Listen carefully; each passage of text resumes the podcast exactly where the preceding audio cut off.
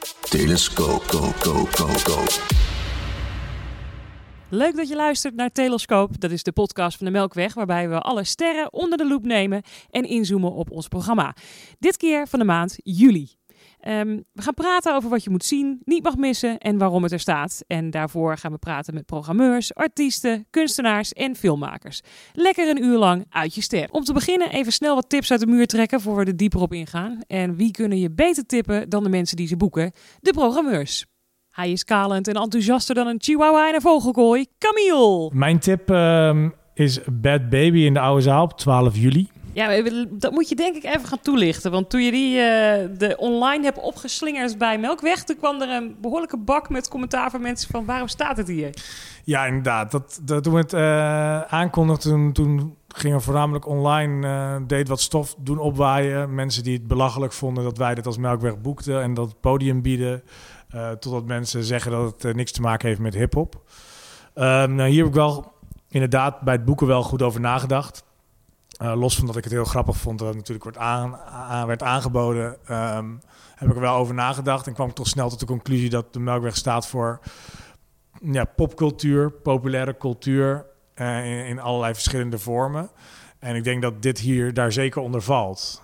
Um, ja, want laten we even voor de duidelijkheid, mensen die denken, wie is er in godsnaam? Dus het meisje die bij Dr. Phil toen viral ging, omdat ze cash me outside, out my bed, toch tegen de moeder of uh, tegen het publiek zat geloof ik. Ja, ze kreeg ruzie met het publiek, ze had ruzie met de moeder, ze maakte belachelijk op. Ze gedroeg zich gewoon belachelijk. Ze wel een aantal jaar geleden, ze is volgens mij ook wat volwassener geworden en heeft er ook wel wat afstand van gedaan. En ze is muziek gaan maken op een gegeven moment. Um, ja, en dat, toen het werd aangeboden, heb ik inderdaad eerst gedacht van oké, wat, wat, hoe, hoe komt dit over? Um, maar ook naar de muziek gekeken. Ze heeft onder andere ook muziek gemaakt met Little Yachty, die ook hier in Melkweg heeft gestaan, waar je ook kan twijfelen over het feit van, hey, wat is dit, wat is wel of niet hip-hop?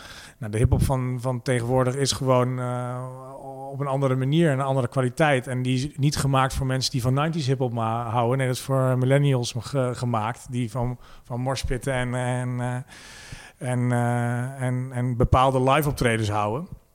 En ja, toen het aan werd geboden, heb ik het wel geboekt met de gedachte van, hey, mensen willen dit zien. En misschien omdat ze dat, dat meisje dat viral is gegaan, maar misschien ook wel omdat ze toch wel benieuwd zijn van wat ze live op het podium doet. Wil je het zelf zien? Ik wil het zelf zeker zien. Ja, zeker, zeker, zeker. Ik ben benieuwd wat ze gaat doen.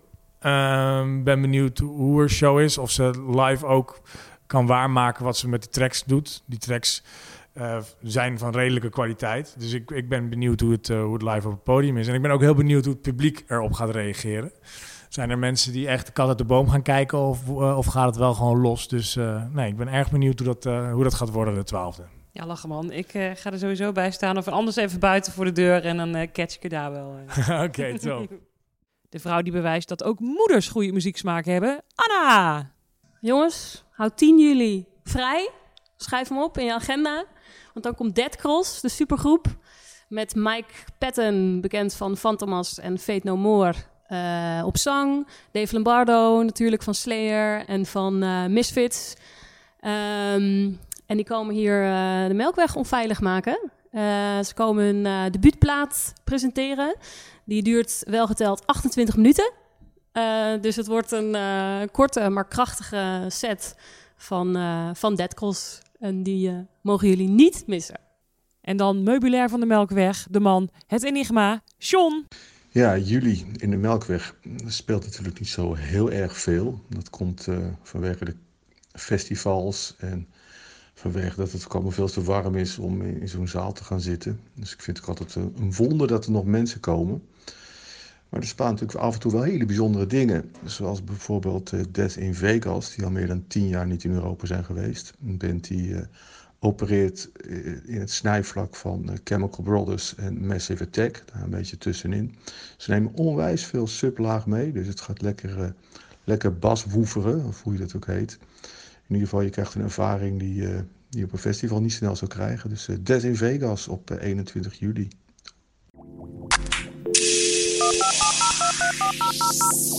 Rellen met de sterren. Aan de lijn, Delik, uh, beter bekend bij het grote publiek als DJ en producer van uh, Opgezwollen, tot hij een sabbatical nam. En uh, kan je mij uitleggen waar je eigenlijk klaar mee was op dat moment, of waar je misschien wel juist helemaal klaar voor was? Dat is een goede vraag en je hebt hem ook goed onderverdeeld. Uh, ik was inderdaad klaar voor nieuwe dingen en klaar met een aantal dingen. Um, maar ik was klaar voor wat nieuws. En ik had een drang om te gaan schilderen. En ik had zoiets, als ik nu niet daar iets mee doe, dan ben ik zometeen 60. En dan kijk ik terug en dan ga ik spijt krijgen dat ik nooit iets gedaan heb ermee. Dus dat was één ding. En wat ik ook had, was dat ik uh, een beetje vastliep voor mijn gevoel met, qua inspiratie voor beats. Dus daar wou ik ook iets mee doen. Kijken of ik, als ik een pauze zou nemen, of er iets zou veranderen. Dus dat was ook een aspect. En ik zit nou heel hard te denken, want er is nog een derde. En die schiet me spontaan te buiten. Heeft hij iets met reizen te maken toevallig? Oh, nou, die zat eigenlijk bij het schilderen in. Want het is, ah. dat was een soort gedeelde winst. Dan kon ik en gaan schilderen en gaan reizen. Uh, ja, wat ik ook had was dat je op een gegeven moment als dingen heel goed gaan. En als je uh, met de muziek, uh, als het succesvol wordt. Eh, dan zijn er heel veel dingen die heel tof zijn en wat heel handig is. Je gaat meer geld verdienen, je kan je hebt meer vrijheid om te spelen waar je wilt. Je kan je optredens kiezen. Maar er zit een keer, keerzijde aan. En dat is dat je op een gegeven moment heel veel moet. En dat had ik wel. Dat het gewoon, er zaten veel verplichtingen aan vast. En ik, ik begon een beetje te, te, te lijden onder mijn gebrek aan vrijheid. Ik kan me ook voorstellen dat dat je creativiteit ook een beetje kilt. Hè? Als je allerlei dingen moet, dan heb je niet meer veel plek in je hoofd om uh, te kijken waar je gewoon eindigt als je gaat dwalen, zeg maar. Nou, je hebt ook, dat denk ik zeker. Ik denk zeker dat je ruimte nodig hebt om uh, je creativiteit optimaal te kunnen ontginnen. En met ruimte bedoel ik dan dat je rust hebt, zeg maar de rust in je leven, uh, om, om plek te geven om die creativiteit eruit te laten. Is, um, ik heb ooit gelezen van Patricia Highsmith, de schrijfster van onder andere Ripley's Game en uh, meer bekende boeken. Uh, die die zei dat een verplicht onderdeel van het schrijverschap is uh, dat je in ieder geval een paar uur per dag moet zitten lummelen in je huis. Gewoon puur om de, weet je wel, de soort van rust te hebben om creatieve dingen te kunnen laten ontstaan. Ja, die snap ik wel, ja. Ja. En die rust ben ja. jij toen gaan zoeken? Nou, ik ben, uh, het, het, het is dan sowieso rustiger omdat je uh, weet je wel, als je gaat reizen heb je niet de plicht om uh, deadlines te halen en die shows te doen. Dus dat was sowieso rustiger, ja. Maar je kan me ook voorstellen dat je als je gaat reizen juist best wel geleefd wordt, toch? Want dan ben je ook de hele tijd onderweg. Dat wel, maar ik heb het wel op mijn eigen tempo gedaan. Dus ik heb wel heel veel plekken bezocht en ik ben wel uh, heel ver geweest. Uh, maar ik heb, geen, ik heb ook verder geen uh, toeristische attracties bezocht of uh, verplichte nummertjes gedaan. Gewoon, ik heb eigenlijk gewoon een jaar gedaan waar ik zin in had. Wat zalig. Ja, dat is echt meestelijk. En, en, en, waar begin je dan? Want dan heb je zo'n jaar. Ik, ik zou er ook wel een beetje onrustig van kunnen worden, denk ik. Want je denkt van ik wil schilderen, ik wil ook rust, ik wil even... Je hebt een heleboel dingen die je wilt, maar misschien nog niet echt een plan. Is het dan Begin je gewoon maar ergens? Of heb je eerst een soort onrust waar je vanaf moet? Hoe gaat dat? Nou, ik had wel een paar plekken en een paar steden die ik sowieso wilde zien. Dus ik had, ik had de reis vrij goed uitgestippeld van tevoren. Ook omdat je wilt je, je vliegverbindingen uh, wel een beetje op orde hebben. En ik, ging, ik begon in Zuid-Amerika, toen ben ik naar New York geweest. Toen naar de Cariben en toen via San Francisco ben ik uh, naar Japan geweest. Uh, toen het oosten van China toen naar Hongkong en toen nog um, via Singapore naar boven naar Thailand. En daarna nog Rusland en Oost-Europa. Dus klinkt niet heel rustig. ja, het klinkt heel goed. Het klinkt ook zo goed. In dit soort gesprekken klinkt het zo goed om op tafel te leggen. Um, maar je moet dan ook wel, tenminste in mijn geval vond ik het wel handig om een beetje een plan te hebben vooraf. Ik kon dan wel schuiven met data um, uh, kosteloos qua vliegreizen. Dus ik kon wel, als ik wilde, kon ik uh, uh, gewoon met data schrijven. Maar dan heb je wel een soort van blauwdruk liggen en dan, dan hoef je daar niet aan te denken onderweg. En ja, verder, ja, als je ergens bent en je, ga, je wilt naar een volgende plek, dan ga je naar een volgende plek. Dus wat je net zei, dat heb ik zelf niet zo gehad. Uh, en verder is het gewoon een, ja, life's good, toch? Als je aan het reizen bent. Tenminste, in mijn. Zeker weten. Ja, kennelijk ook uh, duidelijk voor jou zelfs. Want uh, er is uiteindelijk een, uh, een heel vinylboek met acht hoofdstukken, acht tracks en acht schilderijen uitgekomen. Oftewel Exit Through the Noodle Shop.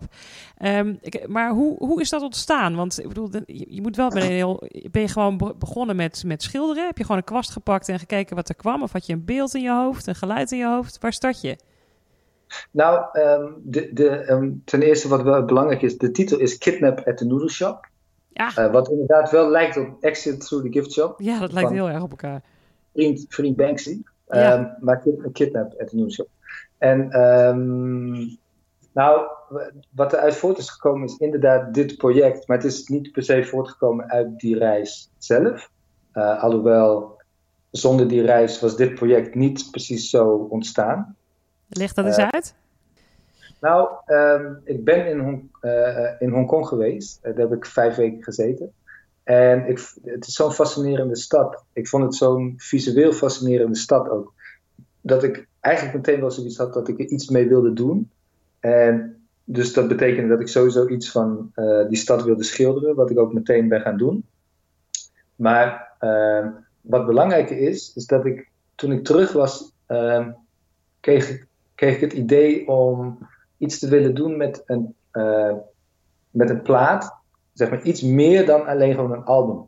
En ik had een. Uh, je kan gewoon een album maken met muziek. En ik hou er heel erg van als je een album hoort waar je ingezogen wordt. En dat je echt heel erg in het verhaal van zo'n album terechtkomt. En ik had het idee van hoe kan ik dat dan nog meer doen dan uh, gewoon alleen maar een album te maken en daarmee een wereld te creëren. Dus ik heb uh, uh, een verhaal dus erbij geschreven bestaande uit acht hoofdstukken. En ik heb ook die acht hoofdstukken visueel vertaald naar acht paintings. Dus op deze manier um, kan ik, als je het verhaal leest en vervolgens de paintings ziet en dan vervolgens de muziek hoort, uh, kan ik je echt een soort van trekken in mijn belevingswereld. En dus doen wat ik wil doen. En je echt meenemen naar die plek. En ben je dan begonnen met, uh, met de tekst schrijven? En, en is daarna zeg maar het beeld en het geluid erbij gekomen? Of ben je andersom gaan werken?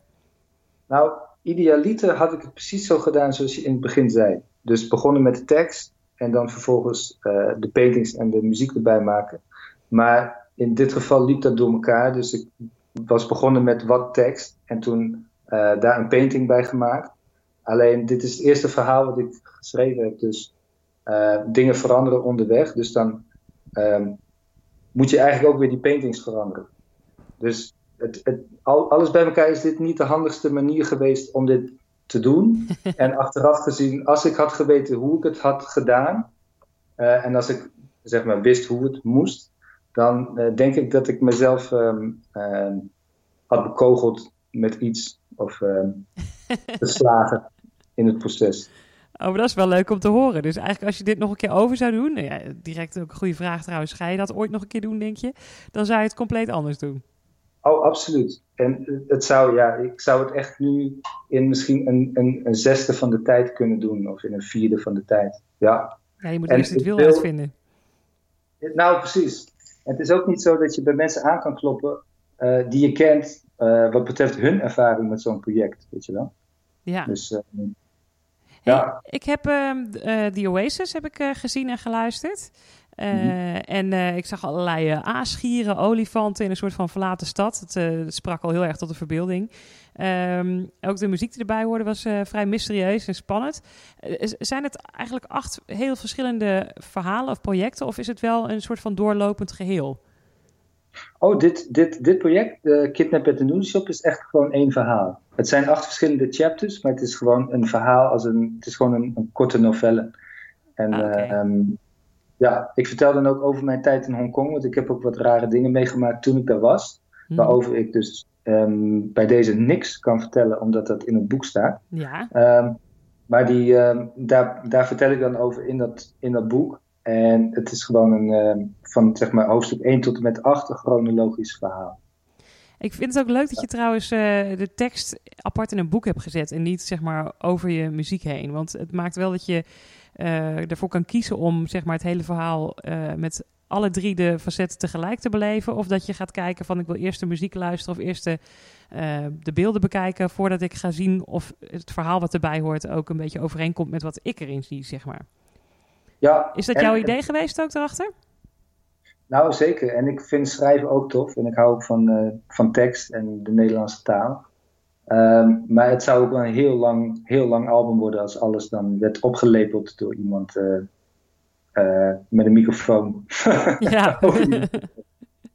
nou ja, het is dat, dan blijft er heel weinig ruimte voor fantasie natuurlijk over. Dat is wel weer, uh, dat kan ergens leuk zijn, maar het is ook wel weer tof als je dat kan aanbakken. Zeker als je het zo breed gaat uittrekken.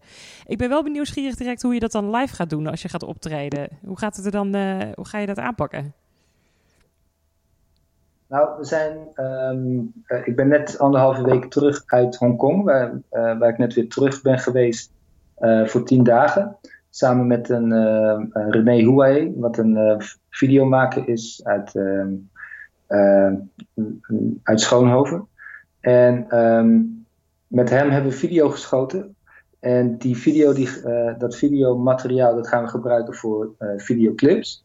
Maar we, we hebben ook geschoten voor live, om die dan als visuals in te gaan zetten. Dus uh, live gaan we werken met visuals die we hebben geschoten in Hongkong. En verschillende muzikanten die hebben meegewerkt aan het uh, album, die zullen dan ook live meedoen op het podium. En hun steentje bijdragen aan de show. En ik zal zelf ook aanwezig zijn om te zwaaien naar de mensen. maar dit is wel tof, want er komt er dus eigenlijk nog een, een, een extra uh, kunstvorm bij. Naast, naast alles wat je zeg maar te pakken krijgt als je gewoon uh, het of gewoon als je het boek en, en de tekeningen en de muziek zeg maar allemaal in je bezit hebt. Als je dan live gaat kijken, krijg je nog wel weer extra. Uh, ja, krijg je er extra's bij. Want je hebt dan die beelden natuurlijk die je dan hebt geschoten en de guest performances. Ja, en die, die beelden zien er. Ik bedoel, ik, ik, we hebben wat foto's en wat stils al van die beelden laten zien op socials. wat we dan hebben geschoten in Hongkong. Maar het is gewoon een openluchtmuseum. En ook die, die beelden, die, als je die ziet, het zijn gewoon, zonder dat we hele gekke dingen doen met kleuren of zo. Het zijn gewoon schilderijen op zich. Het ziet echt vet uit. Ja, tof. Nou, Delk, ik vind het echt te gek klinken. Ik zou zeggen voor iedereen die het wil gaan zien, zondag 9 september uh, in de Melkweg. En uh, tot die tijd kan je er nog lekker in gaan verdiepen. Ik ben in ieder geval heel nieuwsgierig. Top. hey, heel erg bedankt. Oké okay, dan, zie jullie dan. Yo. Yo, bedankt.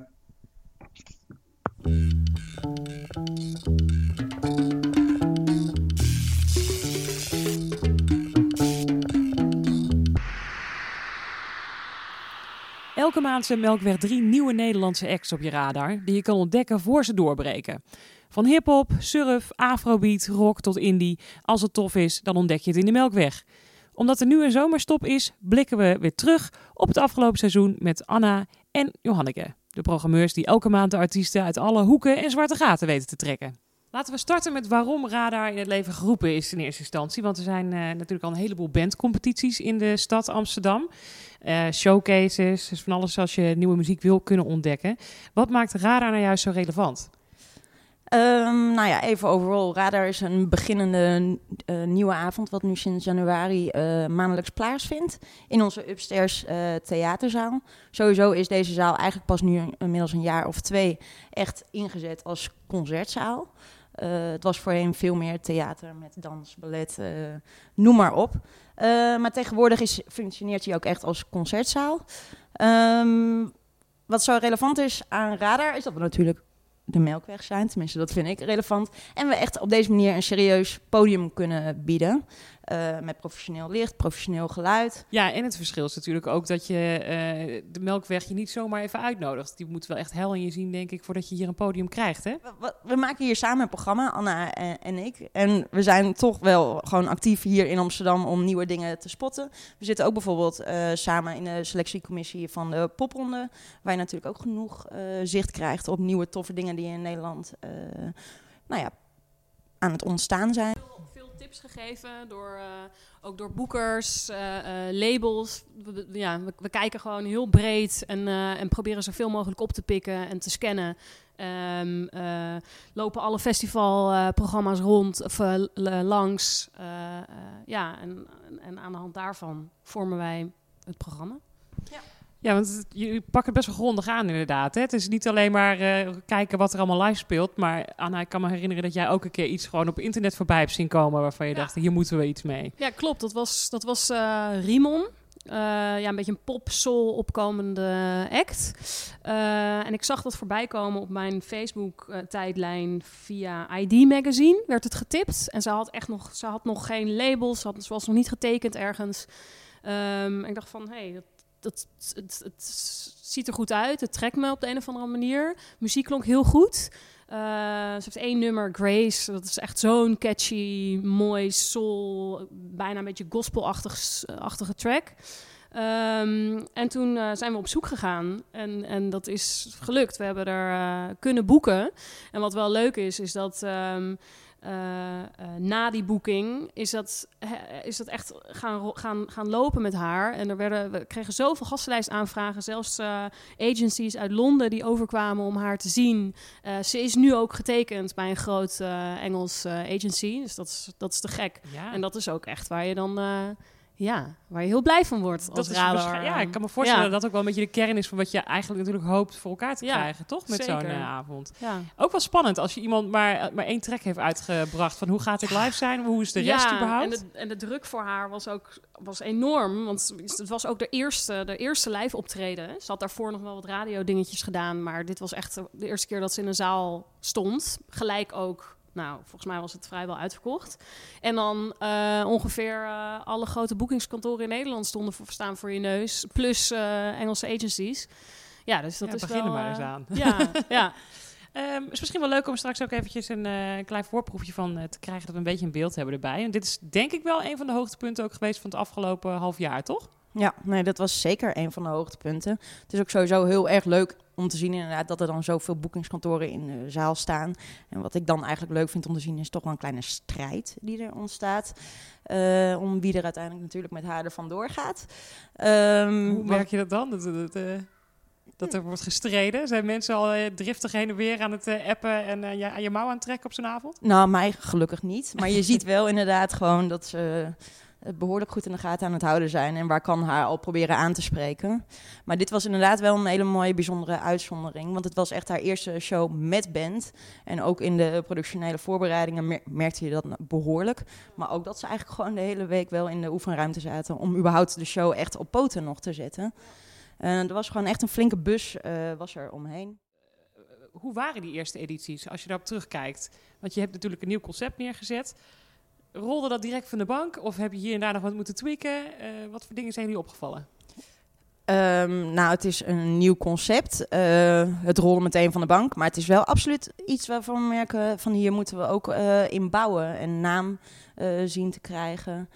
de, ja, de avonden zijn niet automatisch direct vol. En je hoopt natuurlijk ook echt het publiek te bereiken... wat gewoon lekker nieuwe dingen wil ontdekken. En niet per se voor, weet ik veel, een neefje wat op het podium staat dat ze daar per se voor komen. Uh, jaarleden worden hier ook trouwens standaard uh, mee voor uitgenodigd. En je merkt dat dat ook echt heel erg werkt, dat die standaard uh, wel aanwezig zijn. maar het is iets wat we bouwen. En nou ja, wat we ook wel flink promoten onder een flinke relatiemailing in de muziek zelf. dat we ook gewoon hopen dat zij lekker een biertje komen drinken op die tweede dinsdagavond van de maand. We, um, we, stimuleren de bands ook heel erg om, om het optreden zelf te promoten. Daarin willen we ze ook wel een beetje begeleiden. Uh, geven ze richting. Uh, vragen we ze in ieder geval een keertje een post uh, te plaatsen op Facebook of op Instagram om hun programma te promoten. En op die manier ook te leren publiek te genereren voor je eigen optreden. Dus dat is ook nog, ook nog onderdeel eigenlijk. Bijna een soort coachingstraject, maar dat is misschien een te groot woord. Um, Ja, dus dat is ook... eh, Ja, ze Een krijgen belangrijk wel wat, wat onderdeel van hand, hand- Radar. handvatten om eh, mee aan de slag te gaan, inderdaad. ja, precies. Wel leuk ook om te zien hoe elke act daar ook weer verschillend mee omgaat. Ik kan me Ja. eh, toevallig nog millennials herinneren die een, eh, bij, via Fiverr, zo'n website, een, een of andere eh, halfnaakte man met een groenteketting hadden ingehuurd om, eh, om een Ja. liedje van hun te zingen. Dat, dat soort dingen ja, vind ik ja, heel dat grappig. is te maar gek. Als je dat Ja. terugkrijgt, dat is echt... eh, dat werkt ja, wel. Dat is heel leuk. En eh, zodra die acts dan geweest zijn, hè, want dit is natuurlijk het hele traject er naartoe, ehm, eh, ho- ho- houden jullie ze nog in de gaten? Komen, gebeurt Ja, er zeker. Ja, ik, ik merk bij mezelf eh, dat de acts die wij op Radar hebben geboekt altijd wel door mijn hoofd blijven spoken. Dus als ik een, eh, een, eh, een grote act in de Max boek, dan zal ik altijd eerst even denken aan een van de Radar acts van, voor, als support. Dus als er een support nodig is, dan denk ik, oh ja, nou, is er een Radar act die, die daar mooi bij aansluit? En dan probeer ik die te boeken of voor te stellen bij de agent. Worden, bieden veel bands zichzelf ook aan? Want jullie gaan zelf natuurlijk goed op zoek, maar ik kan me ook voorstellen dat ze zich wel Nou, we krijgen heel aanbieden. veel aanbod, hè? Zeker. Leuk, dus dat is Ja. ook nog wel iets voor mensen. Ja, dat begint nu wel van, echt te komen. We hebben nu wel, eh, nou echt wel wekelijks een paar aanvragen van bands die heel graag op radar willen staan. Tof. Ja. Ehm, wat is jullie grootste wens voor Radar? Wat, wat, wat willen jullie liefste dat het gaat, gaat zijn, gaat worden? Nou ja, over die bands die zichzelf aanboden of aanbieden gesproken. Eh, ik vind het heel tof op het moment dat ze dan even mailen en zeggen van... hé, hey, eh, ik ben hier en hier en hier mee bezig... en ik zou het heel tof vinden om een avond eh, in de Melkweg te komen spelen. En nou ja, wij hebben gewoon een flinke database... waar we nu ons programma-ideeën inzetten. Maar ik vind het heel leuk om dan te kijken van... hé, hey, over een paar maanden, waar ben je dan mee bezig? En wat kunnen we eventueel... eh, combineren. Eh, misschien heb je een single release of misschien is inderdaad, je gaat mede met de popronde, is het een goede aftrap, Eh, noem maar wat. Ehm, doordat we denk ik inmiddels een tijdje bezig zijn, denk ik dat het leukste is dat we gewoon het juiste moment, het juiste plekje voor ze kunnen gaan vinden. Ehm, gewoon, nou ja, er zijn genoeg eh, topmuzikanten in dit land, maar ze zijn natuurlijk niet altijd in, in beweging of ze zijn bezig met nieuw materiaal, weet ik veel wat. Eh, dus dan vind ik het heel erg tof als we naar het juiste plekje voor ze zoeken. Nou, ik denk dat ook een streven is dat, dat Radar nog meer zichtbaar gaat zijn. Dat we een vaste eh, groep mensen kunnen, kunnen eh, hoe zeg je dat, creëren. Die gewoon snappen van, hé, hey, ik moet naar Radar. Want daar ontdek ik de, de nieuwe acts. Ehm, en dat is wel langzaam aan het groeien. Ja, wat we eerder al aange- aangeven, is dat het op dit moment ook nog heel erg ehm, de, de vrienden en, en familie kennissenkring van de act is. Maar ik hoop dat, het, dat we wat bre- breder kunnen gaan. Dat mensen gewoon echt van, hé, hey, het is dinsdagavond. Ik heb zin in een, eh, in een leuke nieuwe frisse band. Eh, ik ga naar Radar. Dat is denk ik ook wel eh, een, een wens van, van ons. Ehm, en we zouden graag nog wat meer samenwerkingen aan willen gaan. Dus dat staat ook voor, de, voor het komend seizoen op de planning. Ik kan daar nog niet heel veel over zeggen. Maar dat zit er ook aan te komen. Dat is wel leuk, iets om over vooruit te fantaseren natuurlijk. Wie weet binnenkort ook wel nog eh, volgende zomer een radar podiumpje ergens bij een festival of zo. Dat zou helemaal tof zijn. Je weet het niet. Hey, eh, er is nu een zomerstop. Ehm, wat kunnen we in het najaar gaan verwachten? Je hebt nu al een beetje verklapt natuurlijk dat er misschien wat samenwerkingen uitkomen. Maar ehm, ga- gaat, het, eh, gaat het hetzelfde blijven? Komen er nieuwe dingen? Of heb je sowieso al een tipje van de sluier qua programmering? Wat kunnen we al verklappen? Nou, dat tipje van de sluier gaan we nog niet geven. Dat weet je zelf ook, Tamar. Ik kom toch proberen. ja, nee, dat, dat weet je zelf ook. In, in het najaar eh, hebben we nu van samenwerking staan met een nachtmis. En dat is eigenlijk een combinatie met een oud collega van ons, Lisa Gritter. Zij heeft een aantal edities van de nachtmis eh, georganiseerd en geprogrammeerd in Ruigoord.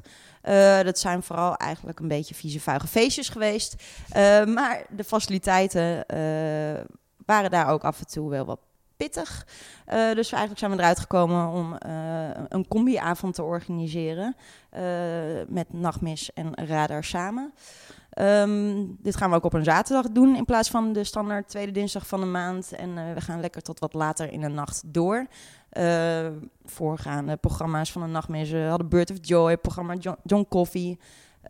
Dus wij kunnen hier eigenlijk ook wel creatief iets leuks voor gaan verzinnen samen met elkaar. Verder zullen we ook denk ik flink gaan voorbeduren eh, qua programma op hoe we nu in het voorjaar van start zijn gegaan. Eh, en gaat het eigenlijk, eigenlijk al best wel hard. Eh, we hebben al veel, al best wel staan. Maar dan nog blijft het wel een beetje een zoeken, een slash een combi, dat je graag vroegtijdig dingen wil gaan boeken. Maar ook weer niet te vroeg. Nou ja, noem even de popronde bijvoorbeeld. Het Landelijk Reizend Muziekfestival, wat weer van start gaat vanaf september. Daar gaan natuurlijk ook genoeg bands aan meedoen. Ehm, en daarvan zal ook heel snel blijken van... Hey, wat zijn nou echt de toppers daarvan? En daar, de toppers zullen ook ongetwijfeld weer op Noorderslag staan. Eh, dus dat gaan we ook zeker goed in de gaten houden. Kijk ook heel erg uit naar de toppers op Noorderslag. Ja. Precies.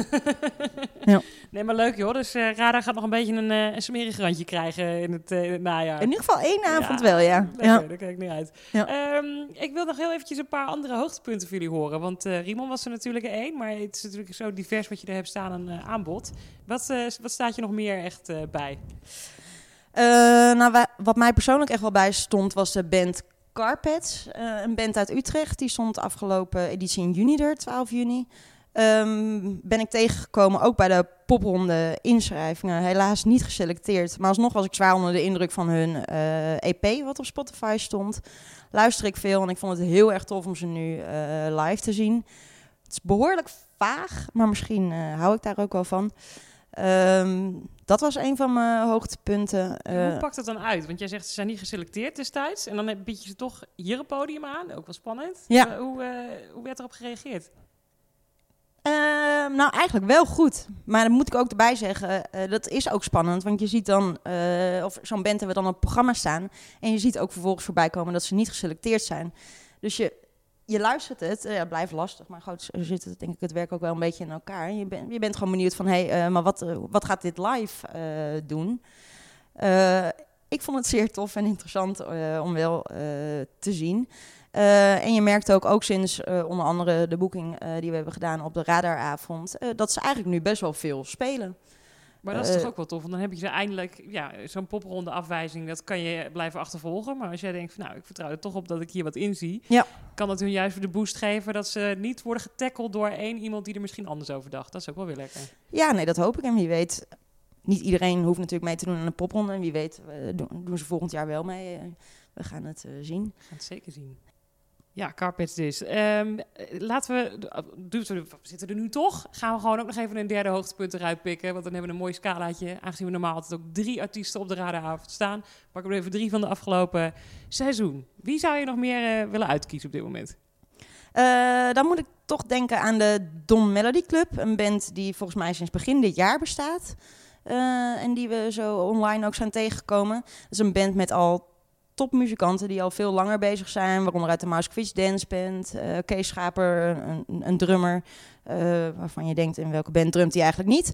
Ehm, volgens mij met de oud toetsenist van Maison de Malheur ook. Eh, maar was ik ook zwaar van onder de indruk. Ik ben heel benieuwd wat zij eh, gaan doen. Maar zij hebben nu ook wel inmiddels wat meer shows staan. En eigenlijk kunnen we zo nog, nog genoeg toffe voorbeelden opnoemen. Ja, het is natuurlijk ook een onmogelijke vraag om eventjes van alle, alle leuks wat je al hebt zelf hebt uitgekozen, om daar nog weer een kleinere selectie van te maken natuurlijk. Dat begrijp ik. Eh, de eerstvolgende radar die is op 11 september. Dat zeg ik goed, hè? Ja, dat klopt. Hartstikke mooi. Hou de website in de gaten voor de eh, kaartverkoop en natuurlijk ook voor die spannende line-up. Want wie zal er dit keer staan? Dat zeggen wij nog niet. Nee, precies. Daarom moet je op de website kijken. Johanneke, Anna, dankjewel.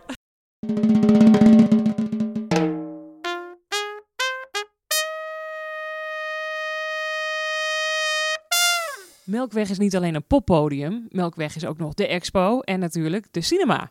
En wat draait daar deze maand dat je niet mag missen? Wat dacht je van de Welcome to the Future film? Aan tafel hier de maker van de film. Stuart Ackerholt, right? Holt with a T. Holt. Such that's a- me. It, really still, it, it looks Dutch. Sorry about that. Um, but you're full English. I'm full English. That sounds like a breakfast. Yes. yeah, I'm a bit of sausage uh, and some eggs. Um, mm, that's exactly what I want right now. Um, yes, I am. I was born in England, um, but my parents were not. Ah, that's that's fair enough. They don't have to be. Um, so let's let's let's get on to the movie before we get off track immediately in the beginning of the interview. That'd be weird. Um, you've made two short films, uh, music documentaries. Now there's uh, one that premieres here in the in the Melkweg, and there's another one. Um, I've only seen the one that's going to premiere, but I must say I, I was expecting a music documentary and therefore expecting interviews. and it's it's quite different than that, isn't it?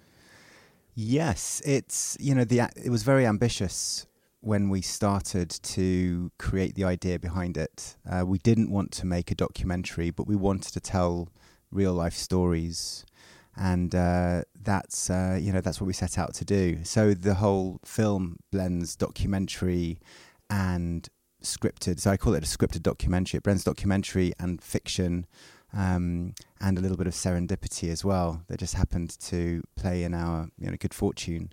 It started off as a script that I wrote, which was nice for me because a lot of the work that I've done is um, more documentary interview style stuff. So this was more like you know an opportunity to write a script and interview real life protagonists um, and then rewrite the script and then re-interview the, the the protagonists and get that sort of you know interplay between um, being something that's fictitious and being a documentary, which is really fun. I can imagine Yeah. it's a lot easier as well because you're so in control of what you that you just know that you're going to have a few good takes up front, don't you? Yeah, I mean, well, there's no guarantees. It was a lot of work, but ultimately, we wanted to try and create to create or preempt uh, a situation where people would really connect with each other, which is a kind of a contradiction in terms. Um, because it was, you know, th- th- wanted to do something that was natural. How can you script something that's going to be natural? Uh, so that was, yeah, you know, we just try and set up those situations where that could happen. Let's go a little bit back f- uh, first because um, why did you choose uh, Welcome to the Future? Or did they choose But, you? Well, no, I, I, I so I worked with Welcome to the Future before, and um, the, the the previous film that you were talking about, um, and that went really, really well. And I think we were just in line with what we wanted to do in terms of making a film about music and the power of music to connect people. A lot of my work is about interaction with strangers and what interacting with strangers can can do in terms of you know um, enhancing and enriching your life and and what you can learn. And I think that um, the environment and what Welcome to the Future wanted to say about themselves uh, was the same, in line with that, about uh, creating a space that is open to all sorts of different people, where they can connect and uh, is, is welcoming, welcoming to to to whoever you are. Um, and so that was the sort of the, the groundwork that we started to work together on in this on this film. So that was basically the, the, your starting point as well, their, their vision, and bring that into a film. Yeah, because it's you know it it, it it it can very easily become something that's quite cheesy to talk about connection and relationships and music and the power of music, and it's very it's quite a difficult thing to communicate in a way that people can actually relate to without it sort of quickly, you know, uh, becoming something that's uh, uh, quite branded or you know not to everyone's taste certainly not to my taste. So i wanted to do something that was working with real people that um, i think all of us could relate to in some way. And um, like i say trying to create a real situation a real s- scenario um, that would hopefully avoid it becoming derivative or cheesy. Well, it's a thin line as well, isn't it? Because you um, either have the, the your standard music documentaries, and there's a loads of these um, after movies that you get for festivals, where it's more kind of an arty approach, but they're in. in- all fairness, then most of them are quite the same in their build-up. Um, was it difficult for you to find uh, a way in between those two?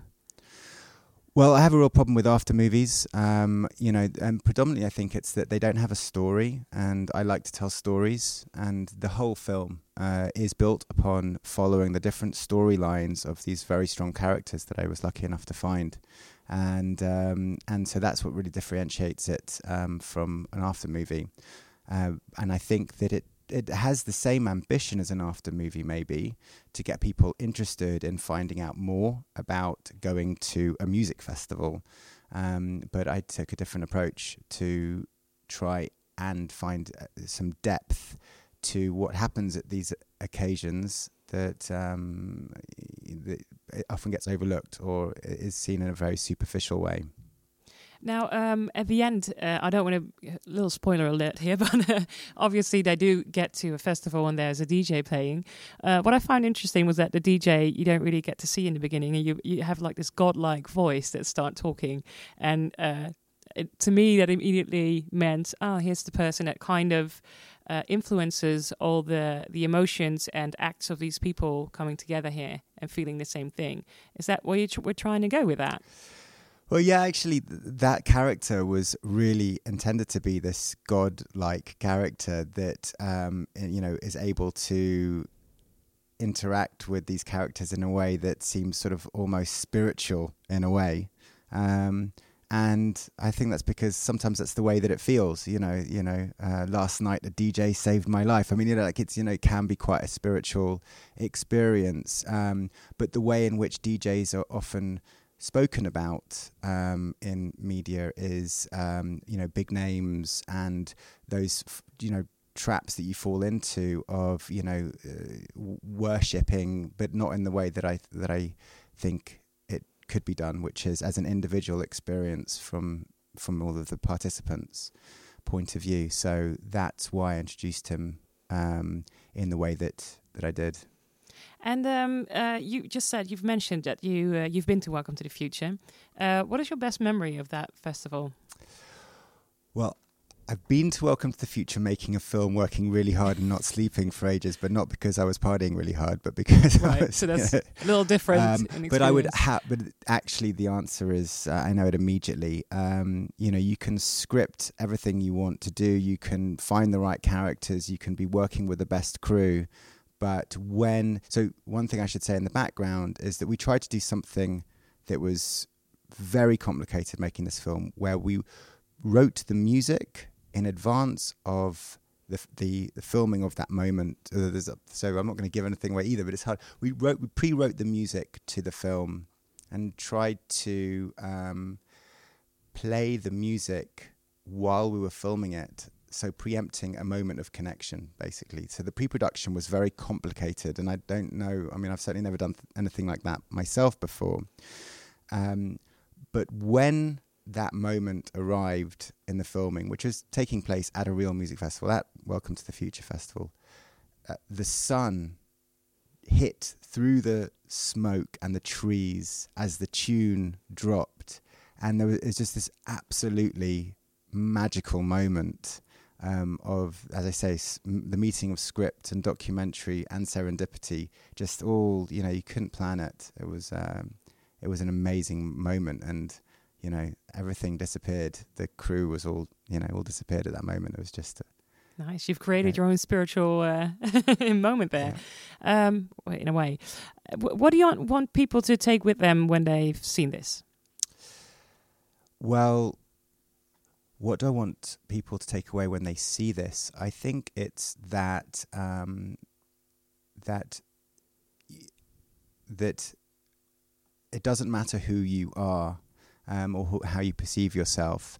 You, um, I, I think it's it, there is always something to be gained from going out and trying to, uh, you know, and, and seeking out your own experiences and adventure on your own terms. There's always something to be taken away from that.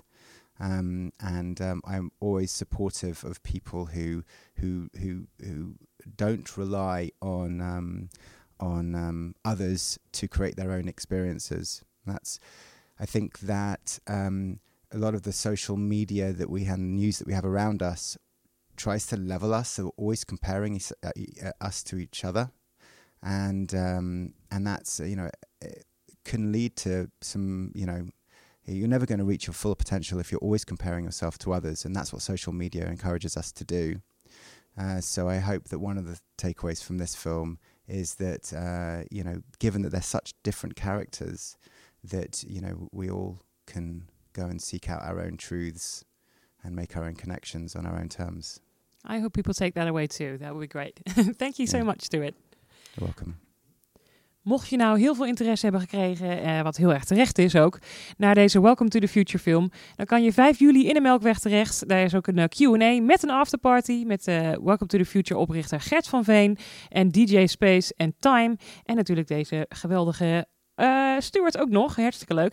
En die zijn er met z'n allen, dus heb je nog meer vragen, stel ze vooral dan lekker zelf.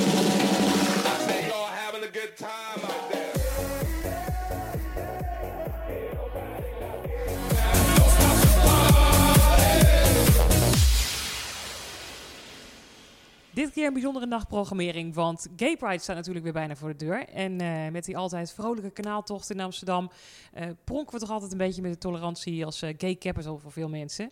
Maar helaas heerst er altijd nog veel geweld tegen de gay community. En nou, dit is wel even een, een, een linkje met, met de avond waar we het over gaan hebben. Naomi hier aan tafel om te praten over Ponder Pride, keer Melkweg. yes, yes. Naomi, Hoi trouwens. Hey. Leuk dat je er bent. Laten we daar eens mee starten. um, maar kan jij een beetje kort uitleggen wat uh, Ponder Pride is? Ponder Pride is een schreeuw om vrijheid. Ponder Pride is uh, een veilige plek voor uh, met name biculturele LHBT'ers om samen te komen en om dancehall te vieren eigenlijk. Ja, want het is eigenlijk een, een dancehallfeest, ja. hè, die avond. Uh, maar wat maakt hem anders dan een, dan een gewoon dancehallfeest? Het feit dat we eigenlijk um, bedachtzaam omgaan met de ruimte. Dus in welke ruimte zitten we en wie zitten in deze ruimte. En daarnaast, we geven een tribute aan de Gully Queens. We geven een tribute aan alle slachtoffers en survivors natuurlijk van murder music. Uh, en daarnaast ook de slachtoffers en survivors hier in Nederland van recente um, hate crimes. Ja, ja je, je raakte nu al eventjes kort aan het Murder Music uh, geheel. Ik moet zeggen dat voordat ik hier even indook, ik hier nog nooit uh, me bewust van ben geweest of überhaupt ervan af wist. Mm -hmm. um, kan je een beetje meer vertellen wat, wat, wat het is in deze scene? Want ja, iedereen denkt natuurlijk bij dancehall gewoon aan lekker remtje billen schudden en uh, vrijheid, blijheid. Maar er zit een soort keerkantje aan. Ja, er zit een soort van uh, paradox, uh, paradox, hoe noem je dat? Ja, gevoel uh, in dancehall. Want enerzijds uh, zijn we natuurlijk trots op, op ons Caribische uh, muziekstijl, maar anderzijds heerst er een bepaalde homofobie en uh, seksisme en um, macho gedrag in de, in de muziek.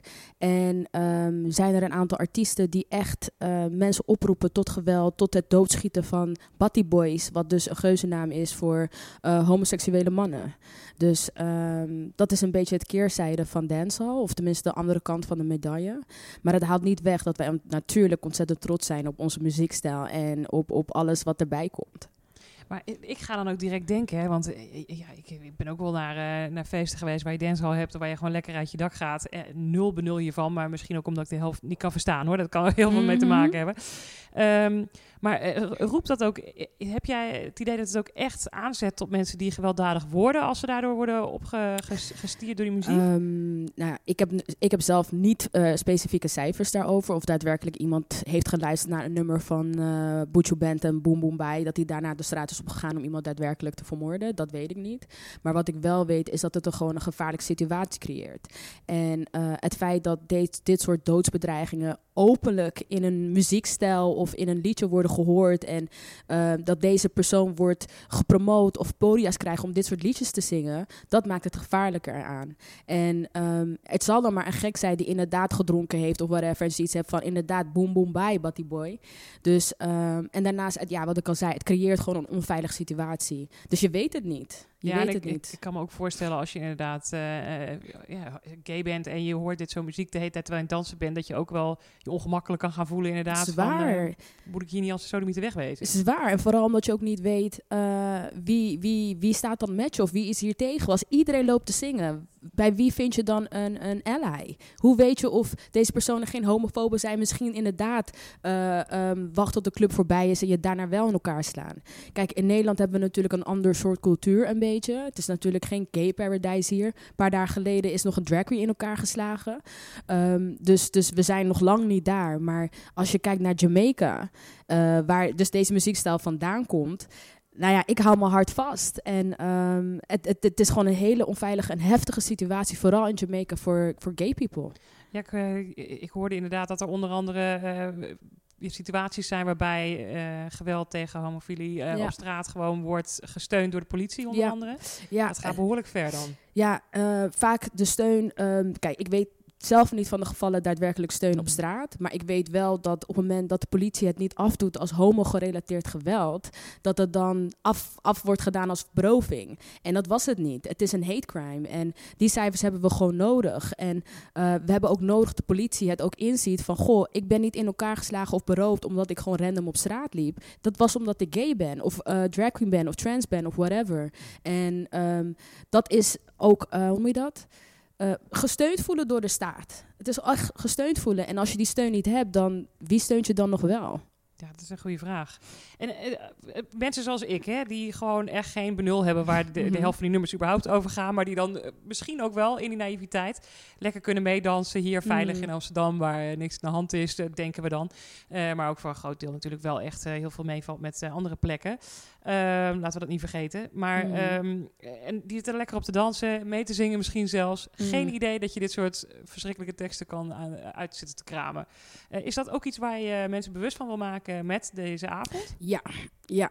Eh, ik wil bewust ook, eh, tenminste, ik wil, ik ga bewust, heb bewust, een lijst met nummers waarvan ik niet wil dat de DJ's deze eh, nummers draaien. Dus dat is al één, om echt eh, de DJ's ook bewust te maken. Gelukkig zijn er dan al, er, er- oh zo, zijn er al een aantal DJ's die er super bewust mee omgaan. Dus dat is super fijn. Maar inderdaad, het bewust maken van dit soort nummers en het bewust maken van het feit dat eh, we hebben dit soort plekken nodig waar we veilig met elkaar kunnen dansen. En ook al klinkt het misschien commercieel, denken mensen, ach, het is maar nog een feestje. Maar het feit dat wij bij elkaar kunnen komen in veiligheid, dat, dat betekent zoveel. En dat we in veiligheid eigenlijk dancehall, van dancehall kunnen genieten. En niet bang hoeven te zijn dat inderdaad No Way van Sislaman opkomt. Of Chichiman of Boom van Buju Bente. En dat je denkt van, goh, hadden de DJ's niet kunnen nadenken van... hé, er lopen meerdere mensen hier rond en het moet een veilige situatie voor iedereen zijn. Dus die vraag hoef ik niet meer te stellen. Dat hoeft niemand meer te stellen. En ehm, ja, we can just party in, in freedom. En wine for freedom. ja, dat is, eh, is de hele gay party natuurlijk ook voor gemaakt. Mhm. Ehm, kan je je voorstellen, want dit, ik ga nu even advocaatje van de duivel eh, spelen, maar dat er mensen zijn die denken, ach joh, het is maar een liedje. En eh, die eh, die hebben het ook de hele tijd over mensen neerschieten, dus je moet het allemaal niet zo serieus nemen. Dat kan, maar gelukkig ageren mensen daar ook tegen. En doen wij dat binnen, tenminste doe ik nu dat eh, middels dancehall music. En ik denk dat het strijd op verschillende levels gevoerd moet worden. Dus ehm, dat zal best, dat mag je ook zelf heel goed vinden, zal ik zeggen tegen die persoon. Maar ehm, ja, deze, dit soort liedjes, dit soort artiesten creëren een onveilige situatie. En ik vind dat iedereen het recht heeft om in veiligheid te genieten van whatever they want. So. Ja, en eigenlijk is dansen natuurlijk ook de ultieme vorm van vrijheid, hè? laten we eerlijk Mhm, zijn. En protest. Ja, ja, ook, ook, goed gezegd. Ja. Ehm, ik wil één dingetje nog eventjes dat ik me Ja. afvroeg. Want ik denk, ja, als je eh, de eeuwige discussie die namelijk altijd opleidt als iemand vecht voor vrijheid, is dat Mhm. de tegenpartij gaat zeggen: Nou, dan heb ik de vrijheid om nu gewoon te haten wat ik wil en de meest verschrikkelijke dingen te roepen die ik wil. Want dat is ook vrijheid. K- kan jij daar eens op reageren, wat je daarvan vindt? De mensen zeggen, ik moet ook de vrijheid hebben om zoiets te kunnen schreeuwen op een nummer, want ja, jij mag ook gewoon Klopt. zijn wie je bent. Dat mag je ook, maar ik hoef jouw nummers dan niet te draaien. En dat is hetgene waar ik dan voor sta. Tuurlijk, iedereen heeft het recht om te zeggen en doen laten wat hij wil. Ik, ik zie niet wat jij thuis doet achter gesloten deuren en of je daar de meest hatelijke nummers hebt. Maar waar ik wel voor waak is, deze nummers worden gewoon niet gedraaid op, op, dit, op dit feest. Deze artiesten zullen ja, niet uitgenodigd worden voor dit, voor dit feest. En dat is waar de scheidlijn zit. Doe jouw ding en wij doen onze ding. En heb respect daarvoor. Dus wil jij zulke nummers draaien, goed. Maar ik vind niet dat jij op bepaalde plekken een podium moet krijgen. Heel simpel. En nou ja, heel, ja. Zo simpel ja, sta ik nee, er tegenin. Van ja, doe je ding, maar gewoon niet hier bij mij. Nee, dat, is, nou, dat vind ik een hele goede insteek inderdaad. Want je kan ook zeggen, moet het compleet eh, verbieden. Waar ik in principe ook gewoon eh, nog best eh, de- het hel van inzie Ja. hoor. Want het is wat je zegt, al- als, als Ja. zit je, kom je ergens terecht per ongeluk waar het in één keer wordt gedraaid, is het net zo bedreigend natuurlijk. Ja, Maar ik denk dat een eerste stap in ieder geval heel mooi is dat er een avond is waar mensen gewoon eh, kunnen dansen in de vrijheid die ze, die ze verdienen. Ja, want weet je wat het is met verbieden? Hoe, hoe ga je zoiets ook verbieden? Je kan verbieden dat zulke nummers niet worden gedraaid. Nou, daar hebben heel veel mensen al heel veel protest al voor gevoerd. Maar ehm, kijk, ieder heeft natuurlijk zijn eigen recht om thuis, weet je, op je, op, op, op je bank eh, een liedje te schrijven en dat op te nemen. En daar kan, daar kan, ja, daar kunnen mensen weinig aan doen. Dus dat recht of zo heb je. Recht van vrij zijn. Maar of dat liedje nou eh, overal gepubliceerd moet worden of gehoord moet worden, of dat deze mensen een podium moeten krijgen, dat is wat anders.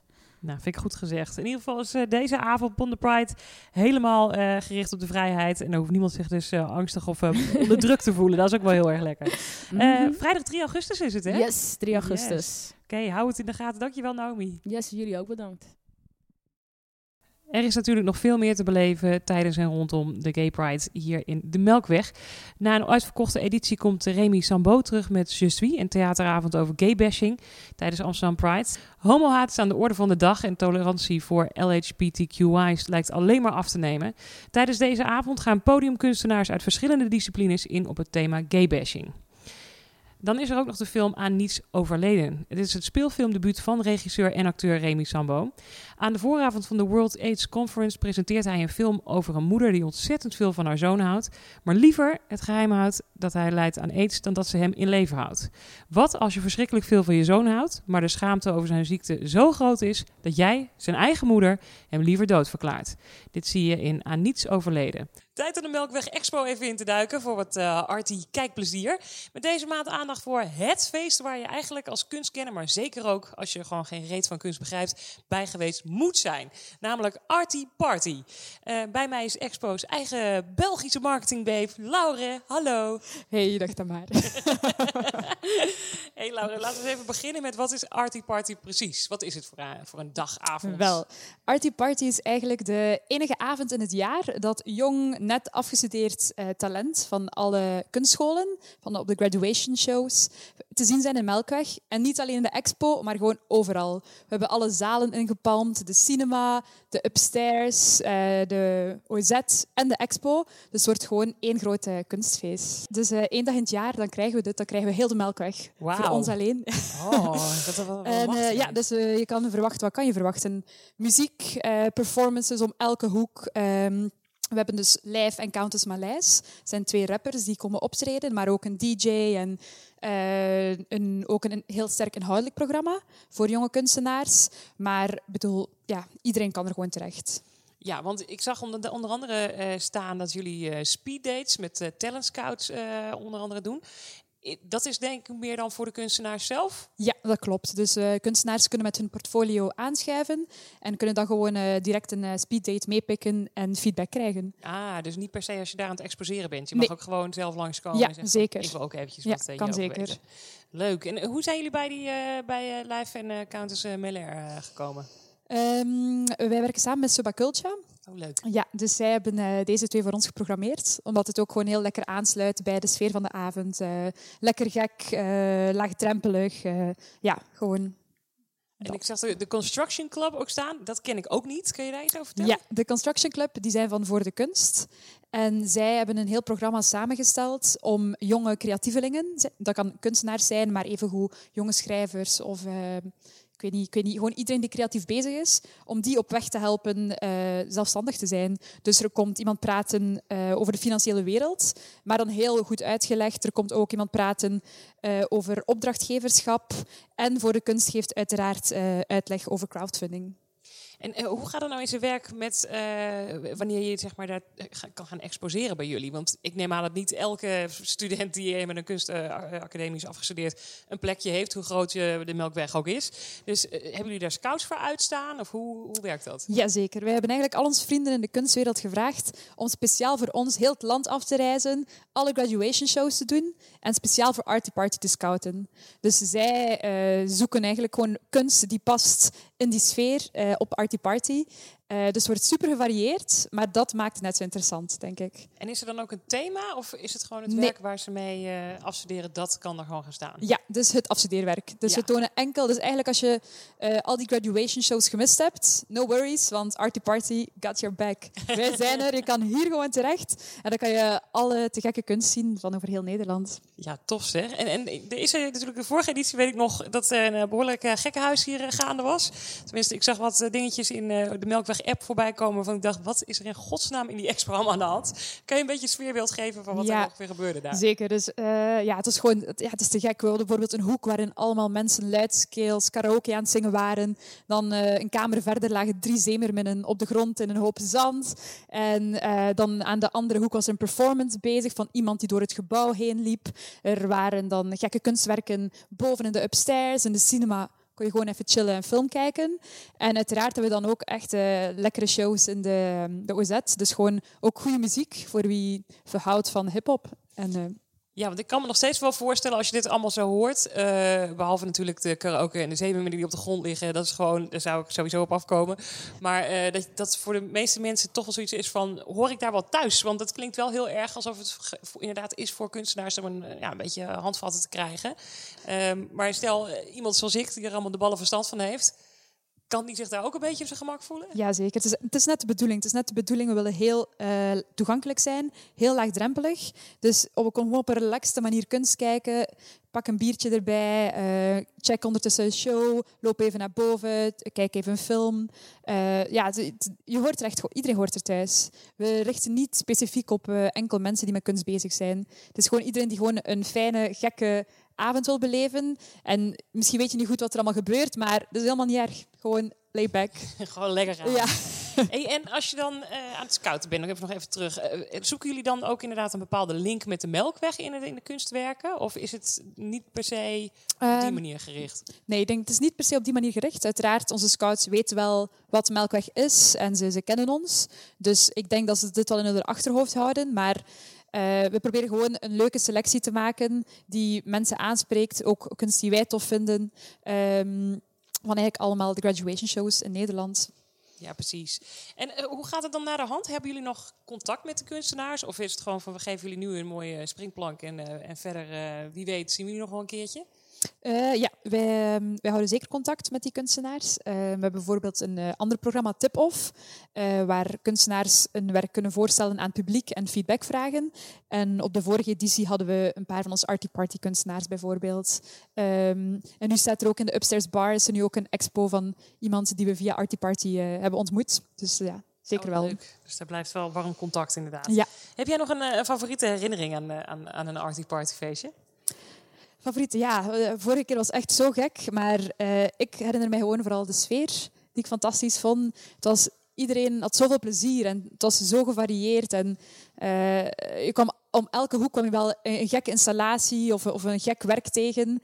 En ik hoorde mensen daarover praten en die waren allemaal zo enthousiast. Ook mensen die er niets van kenden. Eh, dat, dat is mij echt wel bijgebleven, ja. Dit was toch ook die editie waar op een gegeven moment gewoon mensen over de grond zaten te kruipen en zo? Ja, dat was een performance, ja. Dat was een performance, oké. Ik weet niet of het er een open bar was. Had ook gekund. Ehm, en de laatste vraag, waar ik even heel nieuwsgierig naar ben. Heb jij nog een, een kunstwerk waar je gewoon als favoriet tot nu toe... dat je dacht van, nou, die heeft dusdanig veel indruk gemaakt op mij. Hey, wat ik ook heel vet was, was vorig jaar hadden we ook een modeshow. Dus dan starten we de avond met allemaal van die mannen, halfnaakte mannen, Oh, die een ja, te gekke kleden van eh Teun Seuren was dat. Eh, dus dat vond ik fantastisch. Maar eh, we hadden bijvoorbeeld ook een ehm keramieke bustes van Emma Walg. Zij had eh, in een soort klei had zij allemaal vrouwenbustes gemaakt die je dan kon opblazen. Die stonden dan in onze Melkweg Expo. Dat was heel cool. Oké, maar die kun je opblazen? Hoe Ja, deel, deel van die eh bustes die blazen ze dan op. Ja, het was gewoon heel, heel vet om te zien. Ja, ja, ja, Ja. dat ging allemaal op andere momenten. Ging dat Ja. dan, eh, Ja, klopt. eh, Oké, Inderdaad. ik heb er een beeld bij. Ja. Interessant. Nou, ja, leuk. Het klinkt in ieder geval eh, als, als een, eh, een avondje, eh, ja, heel divers. Zeker. get- getriggerd ben ik. Ja, ik, dat was geen zin, maar je snapt het. Klinkt leuk. Zeker, het is echt, ja, ik zou zeggen, kom, 27 juli in de Melkweg. Yes. Dankjewel, Laure. En daarmee zijn we alweer aan het einde gekomen van deze Melkweg podcast genaamd Telescoop. Wil je meer informatie over een van de artiesten die optreden, over de films, over de expo of over de kaartverkoop? Kijk dan verder even op www.melkweg.nl.